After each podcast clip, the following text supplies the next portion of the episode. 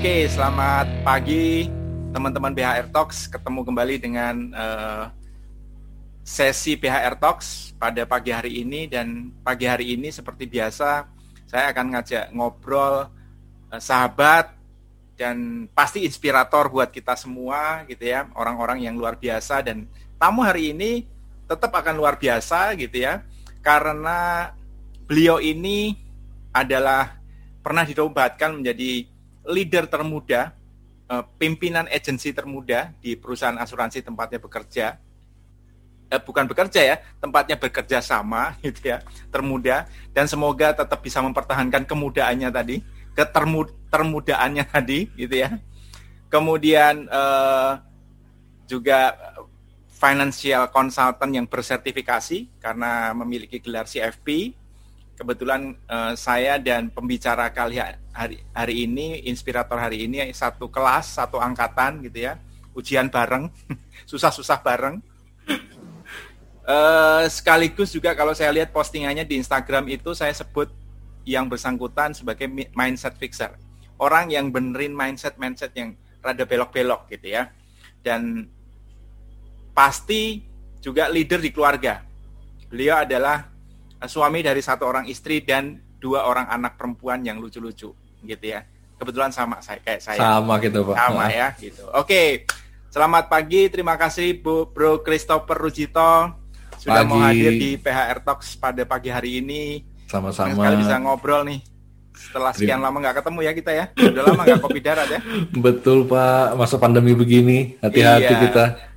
Oke saya biasa panggil topper ya, langsung kita panggilnya topper aja ya. Iya, ya. Pak, santuy. Topper. Kalau tadi kan predikatnya banyak banget tuh ya.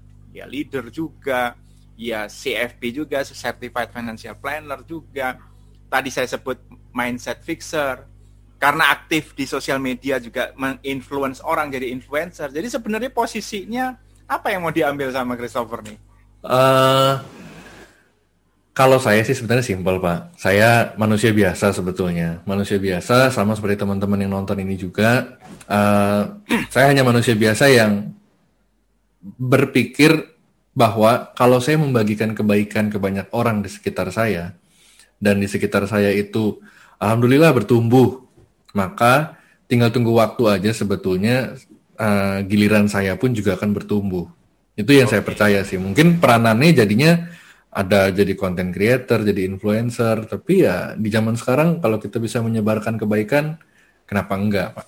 Aku mikirnya sih begitu. Kenapa? Apa yang bikin Christopher percaya hal itu? Kan banyak juga orang yang percaya bahwa ah ngapain lah capek-capek gitu menyebarkan kebaikan belum tentu orang juga satu punya pendapat yang sama kayak kita gitu, punya pemikiran yang sama. Ya apa yang bikin Christopher tuh konsisten gitu loh tiap hari saya lihat kontennya di Instagram itu nyentil-nyentil terus gitu uh, apa ya Pak? Saya saya nggak dipungkiri, nggak saya nggak memungkiri juga bahwa uh, pikiran itu kadang terlintas. Hmm. Ngapain nih capek-capek begini ya? Dapat dapat imbalan langsung juga enggak, dapat duit juga enggak gitu. Iya. Monetisasi belum. Monetisasi juga belum. Uh, saya somehow percaya seperti ini, Pak uang itu kan kalau kita ngomongin material ya Pak, uang itu kan nggak mungkin tiba-tiba datang ke rekening bank kita tanpa ada sebab. Oke. Okay. Pasti ada sebabnya gitu. Akibatnya rekening kita bertambah isinya. Nah, berarti yang harus kita pikirkan, yang saya pikirkan selama ini adalah saya harus meningkatkan probabilitas sebabnya itu. Oke. Okay. Yes. Nah, dengan saya berinteraksi ya mungkin katakanlah kalau di sosial media tentu jenis interaksinya berbeda dengan tatap muka langsung. Hmm. Tetapi bukan berarti interaksi sosial media tidak bisa menyebabkan uh, naiknya probabilitas sebab-sebab tadi. Itu sih Pak yang saya percaya. Jadi nambah teman, nambah koneksi. Toh saya juga jadi belajar bahwa wah ternyata uh, apa yang tadi Pak Basri sampaikan. Oh di Christopher itu di tempat dia berpartner sudah punya prestasi ABCDE. Ya. Uh, ternyata Pak, begitu saya lihat keluar, itu nggak ada apa-apanya. Jadi masih banyak orang yang langit ya. Iya Pak. Jadi uh, membuat saya tuh jadinya ah saya ini masih jauh dari kata bagus. Jadi masih banyak hal yang bisa masih bisa diimprove. Itu yang selalu saya pikirkan. Saya harus bisa improve itu terus. Mindset itu sih Pak yang ada di kepala saya dari zaman dulu. Oke, oke, oke. Dan itu kenapa uh, agensinya namanya Real Mindset ya? Iya Pak. Simple. yang real. Soalnya uh, dulu dulu banget seperti kebanyakan orang kita di encourage untuk mengejar hasil. Ya. Uh, yuk mau punya income tidak terbatas, mau punya income 10 juta sebulan, 100 juta sebulan, ya. itu yang dijual oleh media dan juga uh, banyak hal lah bisnis-bisnis di luar menjualnya seperti itu. Padahal begitu nyemplung dan hanya termakan gimmick jualan itu, ya. saya pastikan akan akan sengsara. Betul betul betul. Akan sengsara. Jadi betul, betul, betul. Uh, bertahun-tahun saya hidup dengan mindset yang seperti itu, seperti yang dulu, mengejar ya. hasil, mengejar hasil, ingin agar gimana ya caranya income itu bisa naik uh, jadi sekian juta dalam sebulan, per hmm. bulannya rata-rata besar gitu. Okay. Uh, eh, sampai akhirnya ada titik balik yang membuat saya berpikir, wes hasil itu bukan bagian saya, bagian saya adalah uh, mengerjakan apa yang harus saya kerjakan, bagian pelayanannya gitu pak. Ya, ya. Hasilnya nanti tinggal ngikut tinggal nunggu betul, waktu. Betul. betul betul. Nah, uh, ini kan kita sudah memulai nyerempet-nyerempet soal mindset nih. Kita dulu nih kita kita hold dulu nih. Siap. Gini, aku orang yang percaya bahwa orang memiliki mindset tertentu itu pasti karena ada sesuatu dalam perjalanan hidupnya, ya kan? Mm -hmm. Bahwa orang melihat bahwa Christopher sekarang menjadi seorang, uh, ya katakan berprestasi, ya kan, memiliki ya hampir kalau kita bilang se sebagai seorang eh, laki-laki itu sudah hampir ideal lah, istri, kemudian anak, ya kan, anak yang sehat itu kan yang paling penting kan. Betul. Kemudian tim yang solid gitu kan, kemudian ya kalau kita lihat tadi uh, influencer walaupun mungkin belum belum bisa dikatakan sebagai belum centang biru pak selebgram gitu ya tapi kan tetap aja sudah punya banyak uh, followers. Itu tentu melalui satu perjalanan hidup sampai sehingga punya mindset kayak sekarang ini gitu. Iya. Nah, boleh dong Topper ceritain ke kita uh, bagaimana sih sebuah perjalanan hidup Christopher itu bisa membentuk menjadi Christopher yang seperti sekarang ini sampai nanti kita bicara mindset. Oke. Okay. Konsep mindset. Berarti ini tarik panjang ya Pak, zaman dulu banget. Hmm. Dulu papa mama saya pacaran, Pak. Oke. Okay. Itu kejauhan ya Pak Lama banget itu ya. Oke oke, kejauhan itu kejauhan. Okay. Uh, saya ingat banget ketika saya masih kecil, saya itu suka baca buku pak. Nah okay. kalau sekarang mungkin bacanya udah berbeda. Kita mungkin sekarang baca layar. Ya, kalau zaman ya. dulu baca buku itu masih lumrah dan hobi saya salah satunya adalah baca buku sambil makan, mau tidur, eh, orang-orang main di luar, saya kebanyakan baca buku dari kecil. Hmm. Nah, dan saya suka gadget, ya seperti laki-laki pada umumnya ya pak, yeah, yeah. suka gadget nih. Nah, cuma karena saya tidak, saya berangkat dari keluarga yang menengah pas-pasan lah, nggak menengah ke atas, tapi menengah pas-pasan. Dan papa saya itu adalah seorang karyawan biasa, yeah. mama saya ibu rumah tangga. Uh, kita otomatis waktu saya masih kecil itu saya nggak punya gadget yang berlimpah tentunya. Hmm. Nah, komputer pertama pun yang saya punya itu adalah hibah dari saudara. Oke. Okay. Kalau sekarang itu ada prosesor sampai i9 dan semacamnya. Uh, zaman dulu saya masih ingat banget Pentium pertama kali itu adalah Intel 486 zaman dulu. Oke, okay. PC 80. Iya, betul Pak. Nah, dan yang saya utak-atik pertama kali banget itu adalah proses uh, PC dari saudara juga. Uh. Setelah yang tadi prosesor 486, PC berikutnya yang saya utak-atik adalah uh, dengan prosesor MMX, Pentium MMX. Saya ingat banget speednya itu cuma 233 MHz. Uh. Zaman dulu. Sekarang sekarang handphone aja udah berapa giga kan speednya. Iya, benar benar. Nah, nah, karena saya hobi gadget, tetapi zaman itu gadget juga nggak sebanyak sekarang, otomatis opsi ngutak-ngatiknya pun juga nggak sebanyak sekarang. Ya. Nah, sumber untuk bisa ngutak-ngatik zaman dulu tentu bukanlah internet, melainkan dari media cetak. Ya. Satu media yang sekarang sudah tidak ada, tapi dulu sering saya baca itu adalah uh, koran namanya PC Plus. Saya ingat banget harganya itu, itu. Ah, dulu harganya itu 3.500 terbit setiap Kamis, ingat saya. Ya, ya. Nah, uh, dan kalau saya mau beli koran itu seharga 3.500 dengan uang jajan saya waktu itu cuma 600 atau 1000 gitu sehari, uh, otomatis saya nggak bisa minta. Kenapa? Karena uang uang jajan saya pas-pasan dan papa saya itu kerja di bidang keuangan yang juga perhitungannya ketat. Hmm, hmm, hmm. Jadi perhitungannya itu ketat, uh, tidak jago investasi, tetapi jago mengatur money managementnya, cash flow-nya. Oke. Okay. Memang tidak kenal investasi zaman dulu. Ya, ya. Ya sekarang juga banyak ya Pak yang nggak kenal investasi. Ya betul. Nah, uh, saya ingat banget behavior papa saya ketika saya minta, saya respon di kepala saya, wah nggak enak nih kalau minta duit mulu. Soalnya kalau minta duit, Papa saya akan bilang, waduh kamu minta duit lagi buat apa? Buat beli yeah. apa? Kayak interogasinya itu banyak gitu untuk yeah, ya, mencairkan yeah, yeah, sejumlah kecil uang buat saya. buat beli majalah. Padahal kan saya pikir buat belajar juga. Iya, yeah, iya. Yeah. Nah, hal-hal kecil yang saya alamin berkali-kali waktu masih kecil itu membuat saya berpikir bahwa saya harus bisa menyisihkan uang sendiri. Pertama-tama menyisihkan dulu deh. Yeah. Jadi otomatis saya di sekolah itu sering kali bawa bekal sendiri atau saya nahan lapar Hmm. Bahkan kalau ngeles, uh, les itu dulu les bahasa Inggris waktu saya masih SD, um, orang bisa naik angkot, jarak naik angkotnya itu mungkin 10 menit, Pak. Ya. Itu kan lumayan jauh kalau naik mobil sebenarnya 10 menit. Di zaman pada saya masih SD. Ya? Mm -mm. Oh, pada zaman itu kan, maksudnya belum macet sekarang kan?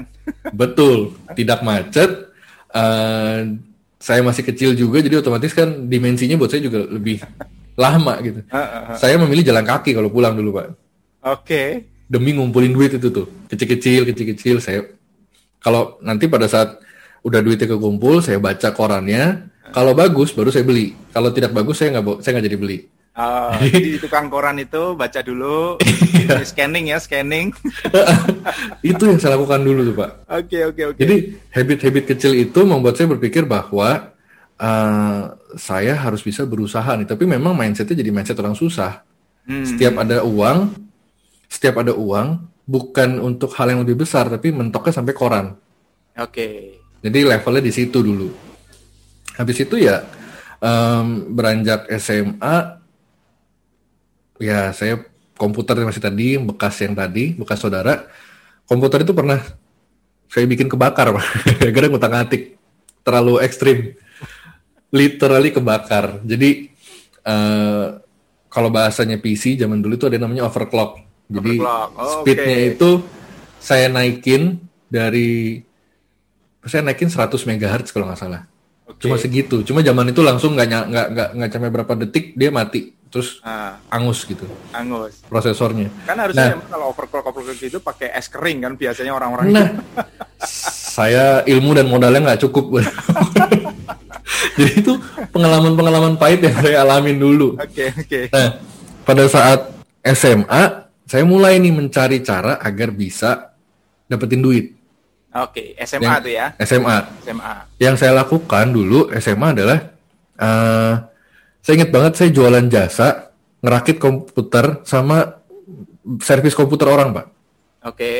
Okay. Jadi, uh, saya ingat banget itu ada orang tua teman yang komputer di rumahnya rusak, ketika dia tahu bahwa, hah teman kamu anak SMA mau benerin komputer, mending nggak usah deh, mendingan nggak usah. Nah, daripada tambah rusak. Daripada tambah rusak. Padahal saya minta fee-nya itu sukarela biasanya pak. Ya, Karena itu jadi modal saya belajar sebetulnya. benar, benar, benar. Sukarela dan sejauh itu dulu selalu benar. Jadi selalu komputer itu semakin baiklah setelah saya handle. Oke. Okay. Nah, uh, saya mulai ada budget untuk beli spare part komputer dan waktu itu juga orang tua saya akhirnya pertama kali ngebeliin CPU pertama kali buat saya komputer. Jadi saya mulai bisa ngoprek lebih banyak tuh saat itu. Dan cari duit level berikutnya yang saya lakukan adalah, aduh ini jangan ditiru teman-teman.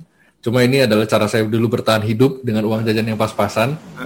Saya tidak bilang ini benar, ini salah yang saya lakukan.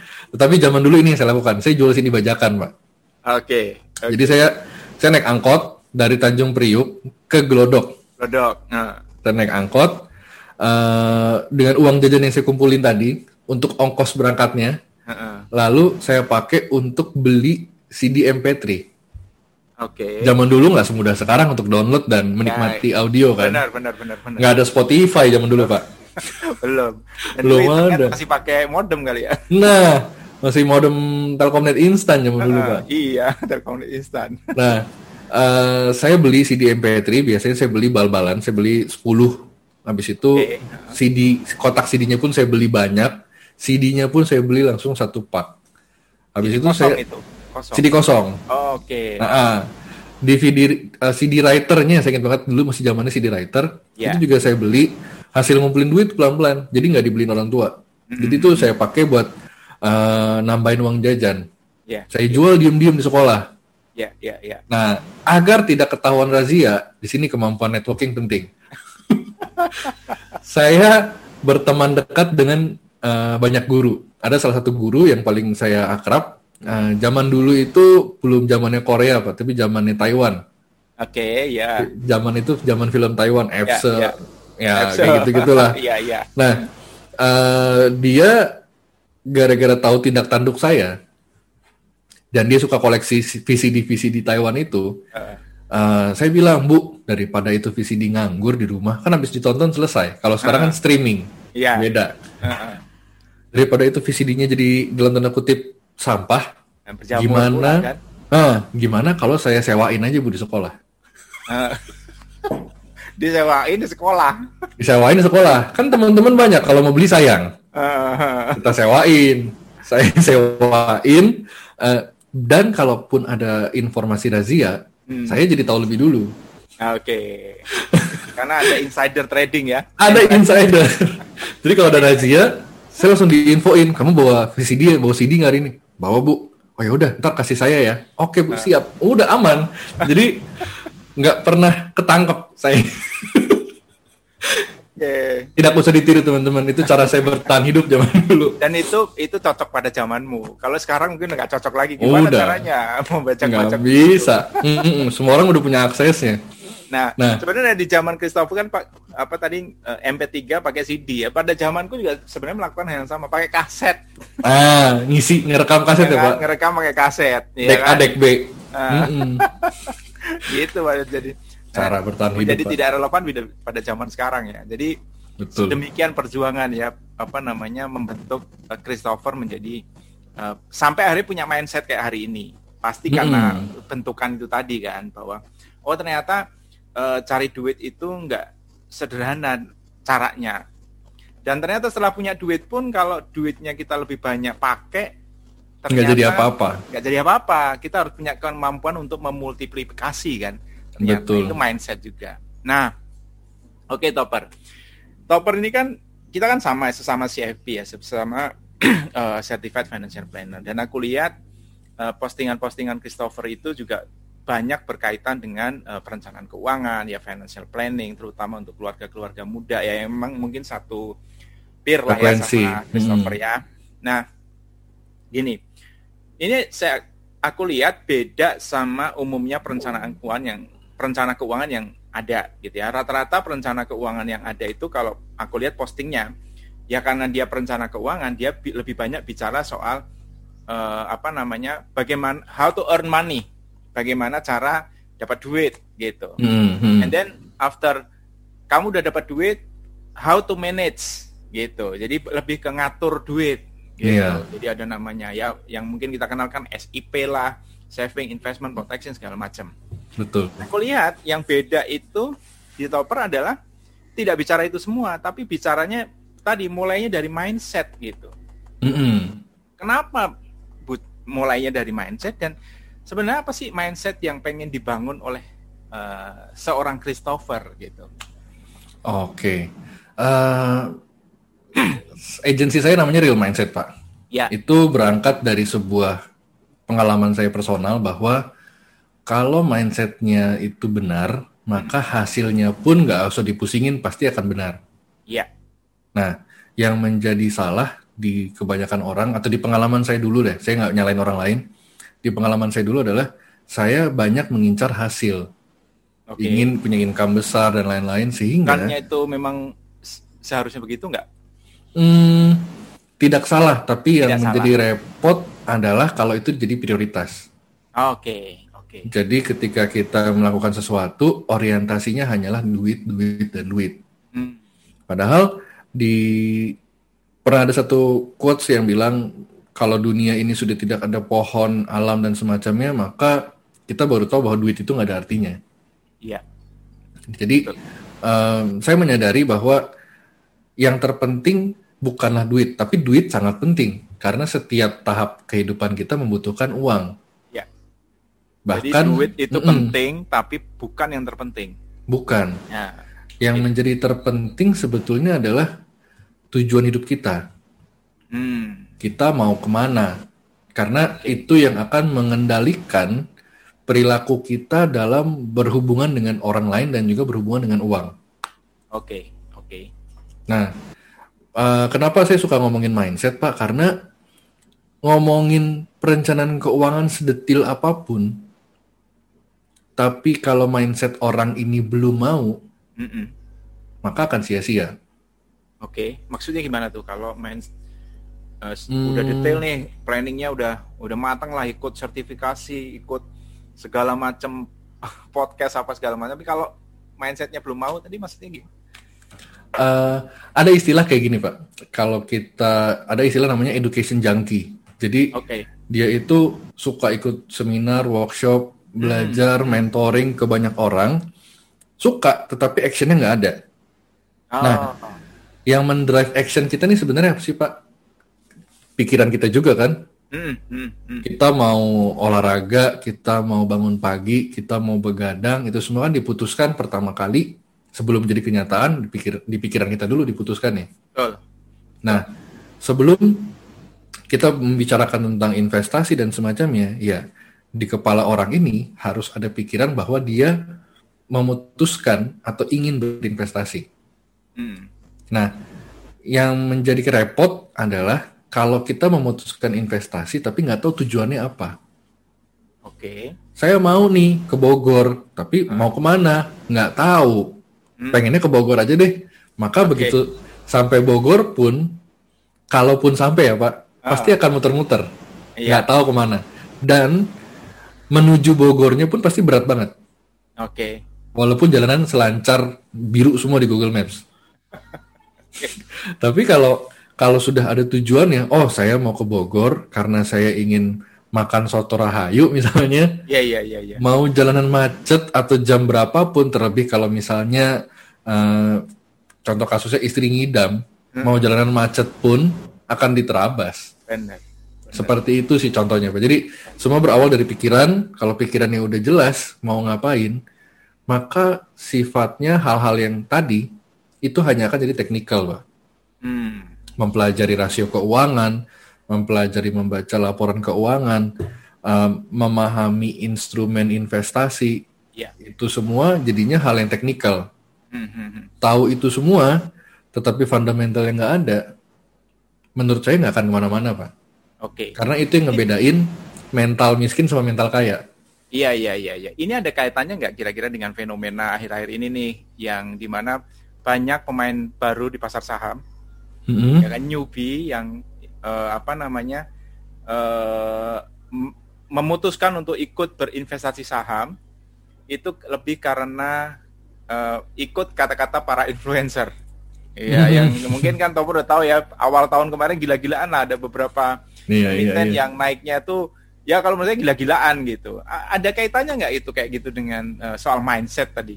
Hmm, bisa dibilang ada hubungannya Pak. Soalnya gini, ketika kita mendengar isu yang dilempar oleh teman-teman influencer di Hmm. Betul, betul, betul. media, Ya, maka yang kita lihat sebetulnya hanyalah sisi teknikalnya, hanyalah sisi permukaannya aja. hmm, Kita nggak tahu behind the scene-nya apa. hmm, Yang menjadikan orang-orang kaya itu tetap kaya seperti Elon Musk, ya, itu adalah visinya kan, behind the scenes-nya. betul. Bahkan eh, Elon Musk ketika tahu bahwa dia sudah dinobatkan jadi orang terkaya sedunia, Hmm. dia malah kaget. Karena visi dia bukan untuk jadi orang terkaya. Benar, benar. Visi Dan dia membangun dia di Mars. ya, memutuskan pindah rumah hanya untuk menghemat pajak. Iya. Jadi mentalnya, mindsetnya pun udah berbeda. Kalau kita hanya mengikuti isu-isu di luar tanpa mengetahui dalamannya, Ya, maka apa bedanya dengan kita mengikuti investasi bodong? Itu itu yang Ya. pertama. Terus yang kedua, kalau misalnya nanti itu bubble dan pecah anjlok nilainya, maka yang akan menjadi korban adalah satu para investor dadakan tadi, yes, sama industrinya. yes. Orang akan dianggap sebagai, wah kalau ikut main saham itu sama dengan judi, nggak usah ngikut lah, rugi dulu saya rugi Yes. puluhan juta di situ. Padahal buat orang yang paham, seperti kita nih Pak, kita paham, kita kan nggak judi. Iya. Kita tahu apa yang kita beli. Kasar kata seperti itu. Dan Jadi tadi kita tahu tujuan kita apa sebenarnya kan? Mm-mm. Sebenarnya kita kan ya tadi misalnya bicara saham ya kita memang mau membuat di masa depan uang kita jauh lebih berkembang kan gitu kan Mm-mm. sebenarnya. Dan bahkan alasan kita memilih satu emiten pun sudah ada kan. Oh, karena ada behind the scenes-nya, ada ceritanya. Betul, betul, betul, betul. Itu yang ngebedain sih Pak. Mindset itu akan mempengaruhi behavior orang bertindak dan berelasi dengan uangnya. Oke, jadi makanya itu dulu yang sebenarnya harus benar ya. Sebelum kita bicara tadi soal bagaimana kamu cara cari duit, karena cara cari duit ya pasti banyak cara gitu kan. Mm-mm. Kemudian tadi memultiplikasi duit juga mungkin juga banyak cara, tapi kalau mindsetnya tadi belum pas, belum benar ya mungkin agak repot juga ya. Betul Pak, betul. Gitu. Termasuk tadi banyak belajar banyak belajar, tapi sebenarnya nggak tahu apa yang tujuan dari belajar. Iya, tujuan belajarnya apa? Eh, saya nggak suka memasak, lalu saya belajar memasak. Ah, ya mungkin untuk survival saya suatu hari, kalau saya lagi tinggal sendiri mungkin. Tapi eh, tujuannya kan bukan itu. Jadi Iya, otomatis kalaupun belajar, takutnya jadi sia-sia. Walaupun belajar nggak ada yang sia-sia ya Pak. Cuma eh, daya ungkitnya akibat ilmu tersebut kita punya tidak sebesar daya ungkit kalau ilmunya memang kita incar. Iya, iya, iya, iya. Nah, tadi menarik tuh Topet bilang ada eh, yang sempat disebut tadi setelah mindset itu ada mental kaya, mental miskin gitu. Mm-mm. Nah, mungkin ini banyak dibahas sama banyak orang ya, tapi kalau menurut Topper apa sih sebenarnya kalau eh, dari apa yang sudah Topper dalamin selama ini belajar ilmu mindset tadi, apa sih mental kaya sama mental miskin itu sebenarnya kayak gimana gitu? Eh, Oke, ini kalau dalam hubungannya dengan kekayaan ya Pak ya, kekayaan apa pun, material ataupun imaterial. Eh, mental kaya itu melihatnya jangka panjang biasanya. Oke. Ini perbedaan yang paling signifikan. Mental miskin biasanya gampang di drive orang, gampang di drive situasi. Mm-mm. Ah, masa katanya katanya Pak Basri kamu anak muda yang berprestasi dan duitnya banyak. Banyak. Masa jam tangannya cuma itu? Misalnya. Oke, oke, oke. Kalau saya punya mental miskin, maka saya akan menganggap diri saya ditentukan oleh omongan orang. Itu yang umumnya terjadi, Pak. Oke. Balik Dan- lagi tadi ya. Mm-mm. Hidup kita ditentukan oleh influencer tadi ya. Ditentukan Iya. oleh iklan. Heeh. Apalagi kan eh, sekarang iklan itu bukan cuma sekedar hadir di billboard atau di TV, Yes. Yes. tapi iklan itu hadir di tangan kita, Pak. Benar, benar. Ya kan? Benar. Kita lagi mau baca buku, misalkan lagi mau baca e-book, iklan nongol. Iya. iklan nongol dan itu iklannya juga bermacam-macam dari yang ajakannya paling halus sampai yang Iya. ajakannya terang-terangan gitu. Benar, benar, benar. Tapi semuanya bertujuan agar orang-orang yang punya mental miskin tergoda untuk melakukan pemindahan uangnya Iya, iya, ke bentuk lain. iya, iya. Entah itu dalam bentuk pay letter, entah itu diskon, entah itu cicilan 0% dan semacamnya. Jadi definisinya memandang uang itu udah berbeda. Mm.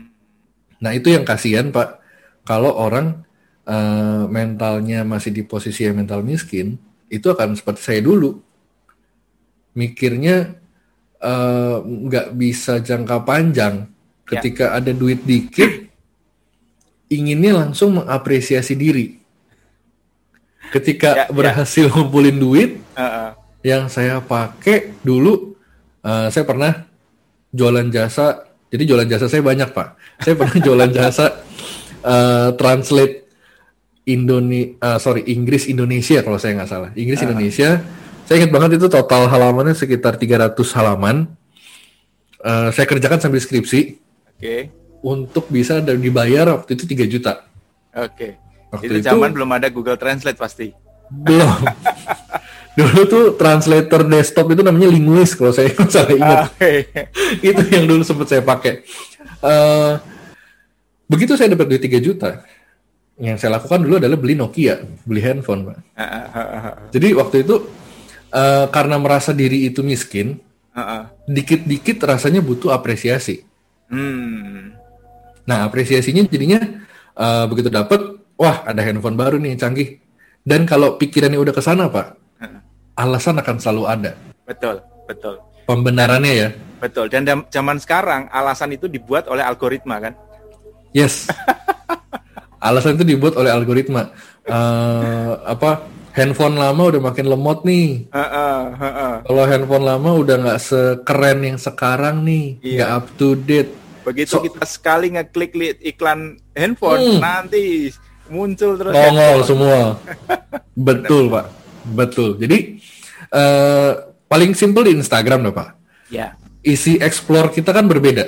betul, betul. Nah, isi explore itu akan mengikuti apa yang sering kita pantau sebetulnya. Yes. Dan ini juga terjadi di TikTok. Hmm. Kalau sering ngelihat eh, cewek joget-joget, ya itu ya kan nongol di TikTok kita. Ya, ya, ya, ya, ya, ya. Betul, Gitu. betul itu. Itu algoritma Jadi- ya. Ini akan menarik. Jadi kalau misalkan kita kita sadar bahwa kita mental miskin Eh, dan kita ingin pindah naik level ke mental yang kaya, tantangannya akan ada di situ tuh, di tengah-tengah. Iklan, omongan orang, eh, pikiran-pikiran yang iya juga ya, udah saatnya apresiasi diri. Jadi manusia lamanya mental miskin itu pasti akan terus berusaha memanggil Yes.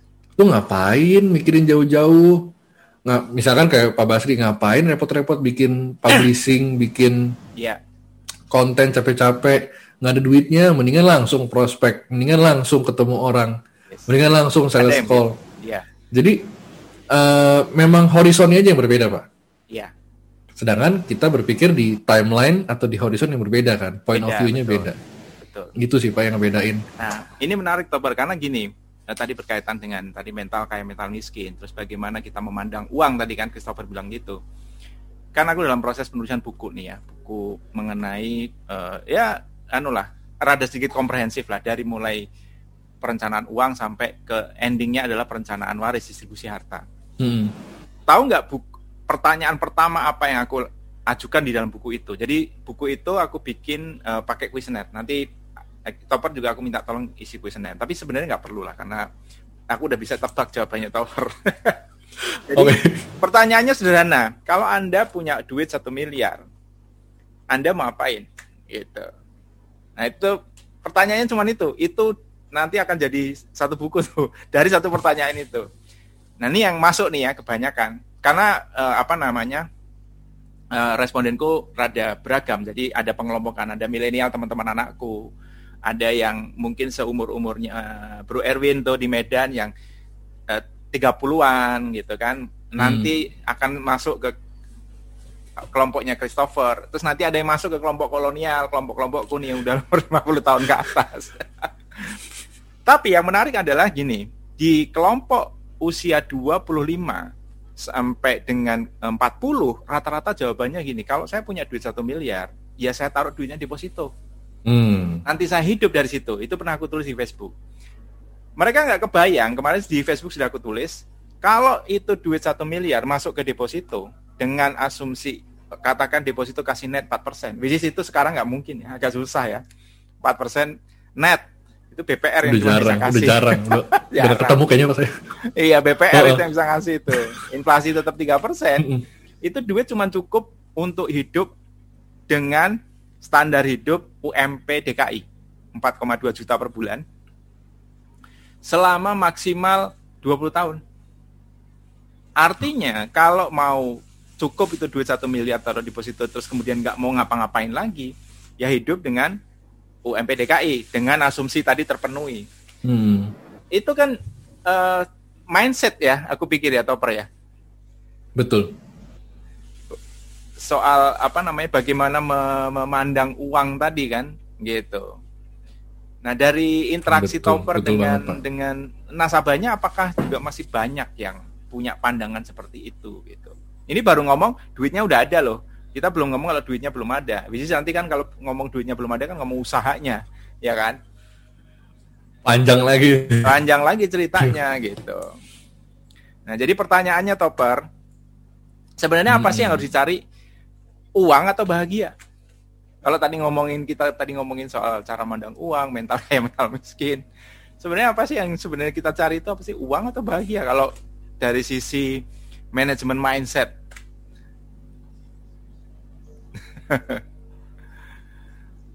hmm, saya mengatakannya dengan tidak mudah karena memang melakukannya tidak mudah, Pak. Pasti, betul. Sebenarnya saya percaya yang harus dicari itu adalah kebahagiaannya dulu.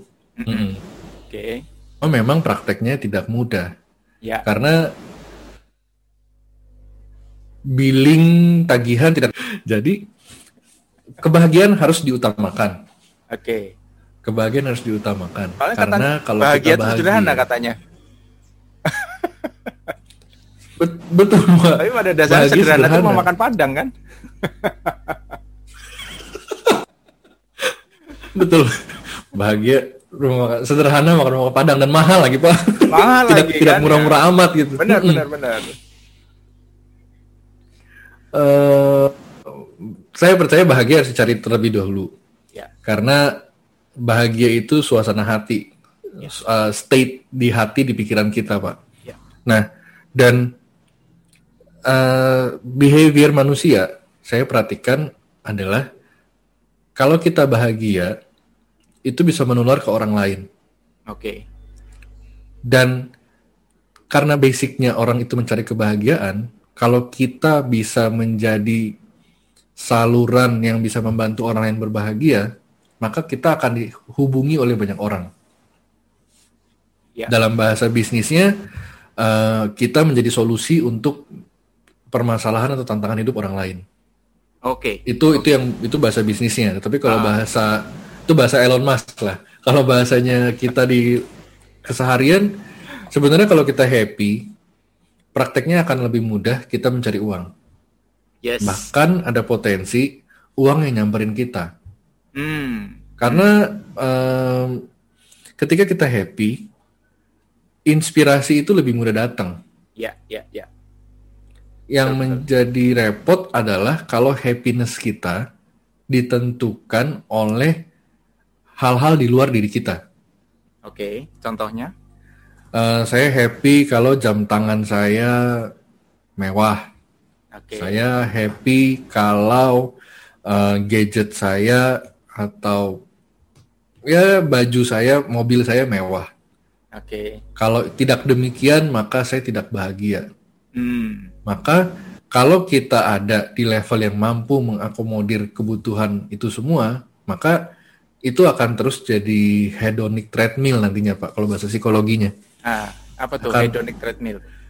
Jadi kita kayak tikus, kayak lari, ah. tapi kita mengejar sesuatu yang ilusi.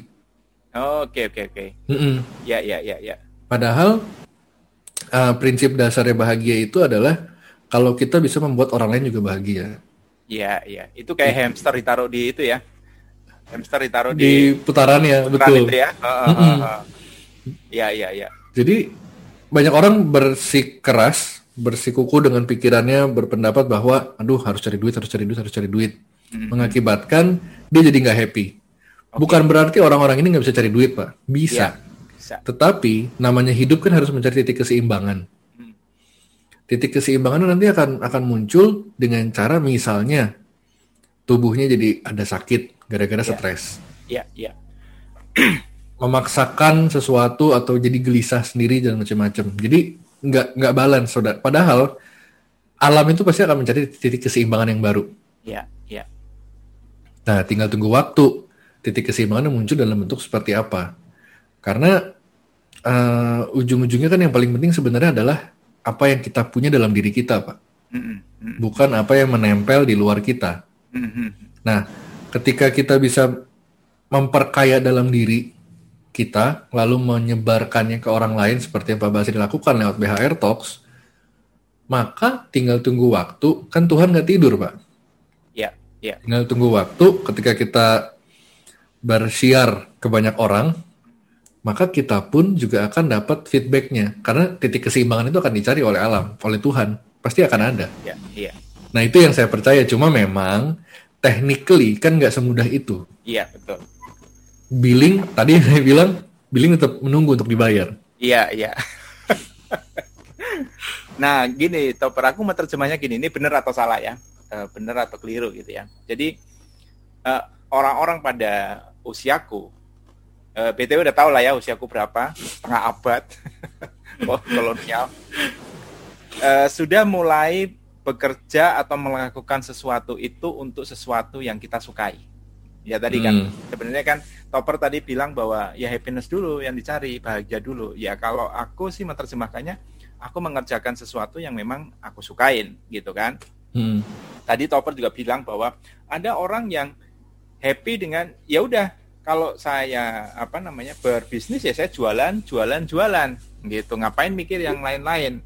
Tapi di sisi lain aku merasa bahwa kalau aku berbisnis, ya aku harus melakukan juga dengan cara yang aku sukain. Misalnya kayak gini nih kita ngobrol kayak gini ini kan sebenarnya kan uh, mungkin nggak semua orang suka. Nah,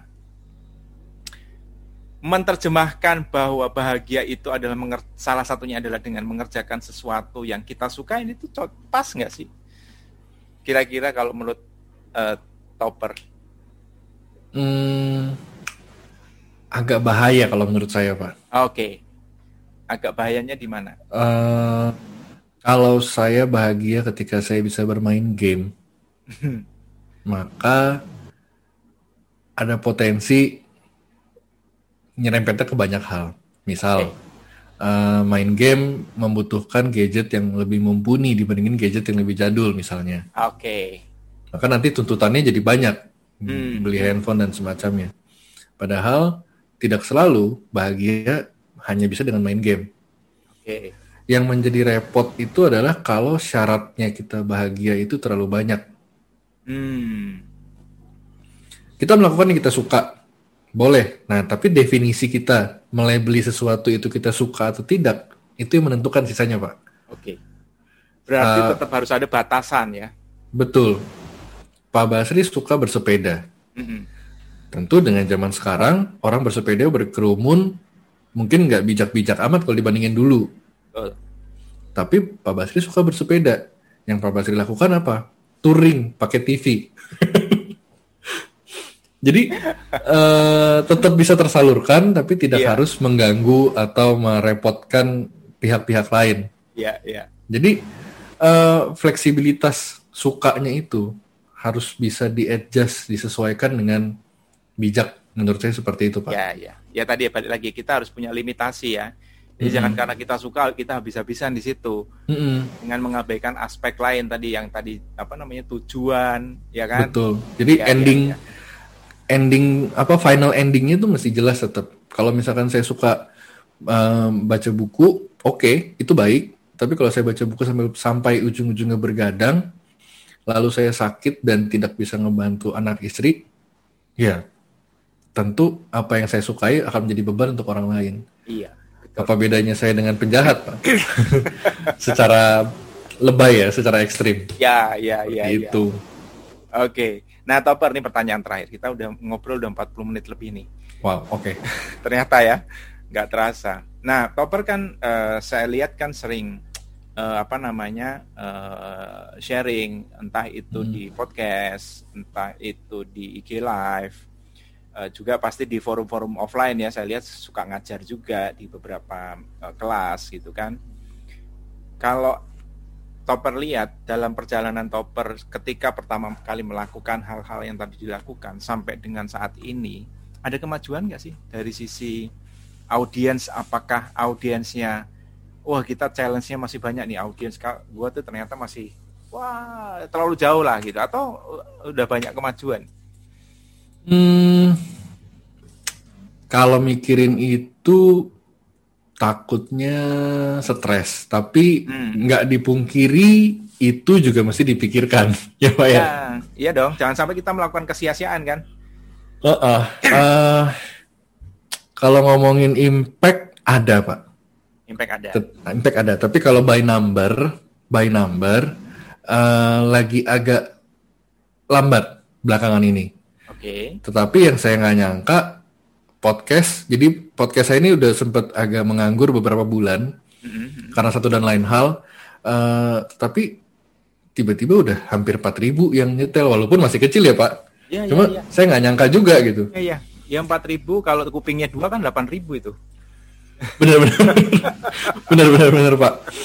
Uh, jadi apa yang saya lakukan bikin konten, bikin uh, impactnya mungkin belum bisa ditempatkan dalam sebuah matriks tertentu saat ini. Ya.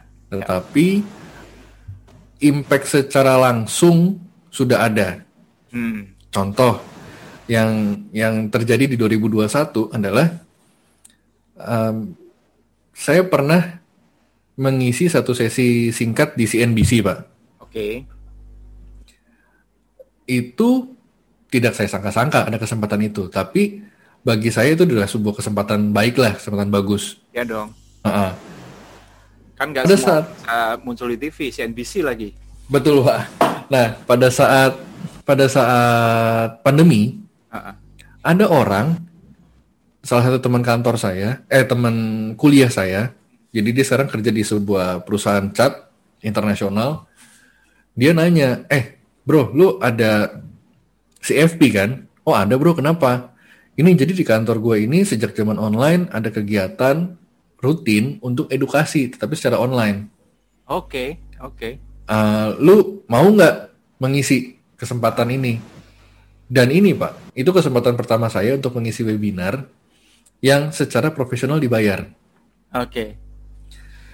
Lalu pada saat uh, saya mengiyakan, teman saya kasih tahu ke HR-nya. Mm -mm. HR-nya ketika tahu nama saya, oh ini saya pernah lihat nih di CNBC. Ya, Siapa ya, yang ya. sangka seperti itu Pak. Jadi uh, efeknya tuh bola salju ya Pak istilahnya ya. Betul, betul. Dan dan itu berlanjut ke beberapa kesempatan webinar ataupun endorsement bahkan. Saya pertama kali endorse brand itu di 2021, Pak. Tuh kan udah benar kan udah jadi influencer kan? ada ada. udah, udah mulai. Jadi siapa yang sangka? Saya saya nggak nggak expect ke sana. Yes. Karena memang tujuan saya memang bukan sebatas wes pengen jadi punya follower banyak centang biru dan influencer gitu enggak Uh, kalau itu terjadi ya puji Tuhan, tetapi ya, kalau enggak lah. ya juga nggak apa-apa gitu. Tapi uh, tadi yang saya percaya ya Pak, alam akan mencari keseimbangannya. Kita kita melakukan banyak, harusnya kita akan terima banyak.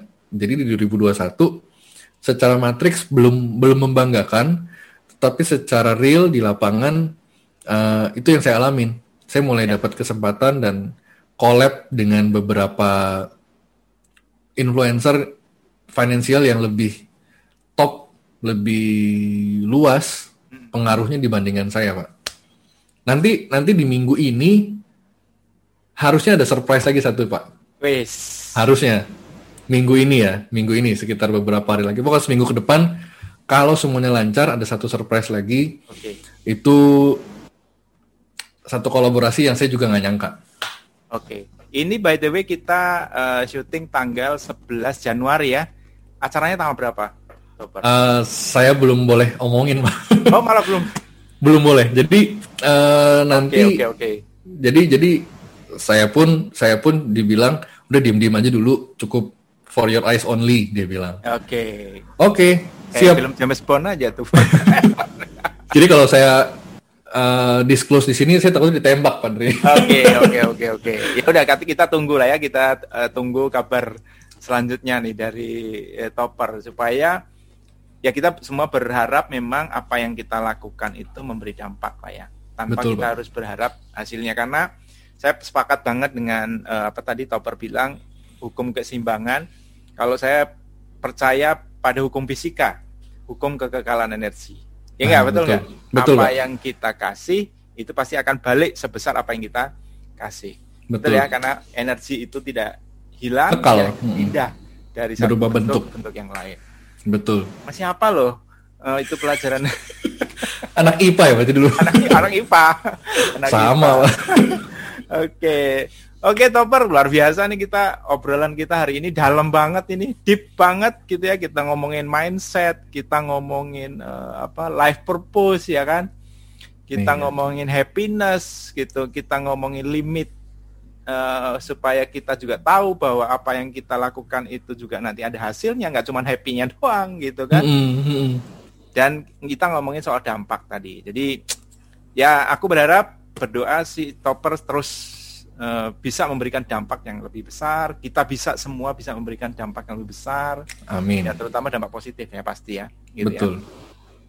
Oke Toper, terima kasih banyak waktunya luar biasa banget hari ini. Sama-sama Pak Basri. Uh, jangan kapok ya nanti kita ngobrol lagi. Kayaknya aku tuh masih ada empat pertanyaan lagi, cuman waktunya kayaknya nggak wow nggak cukup diskusi kita kayaknya dalam banget soalnya. Nanti kita akan undang lagi di sesi berikutnya Topper. Uh, Siap.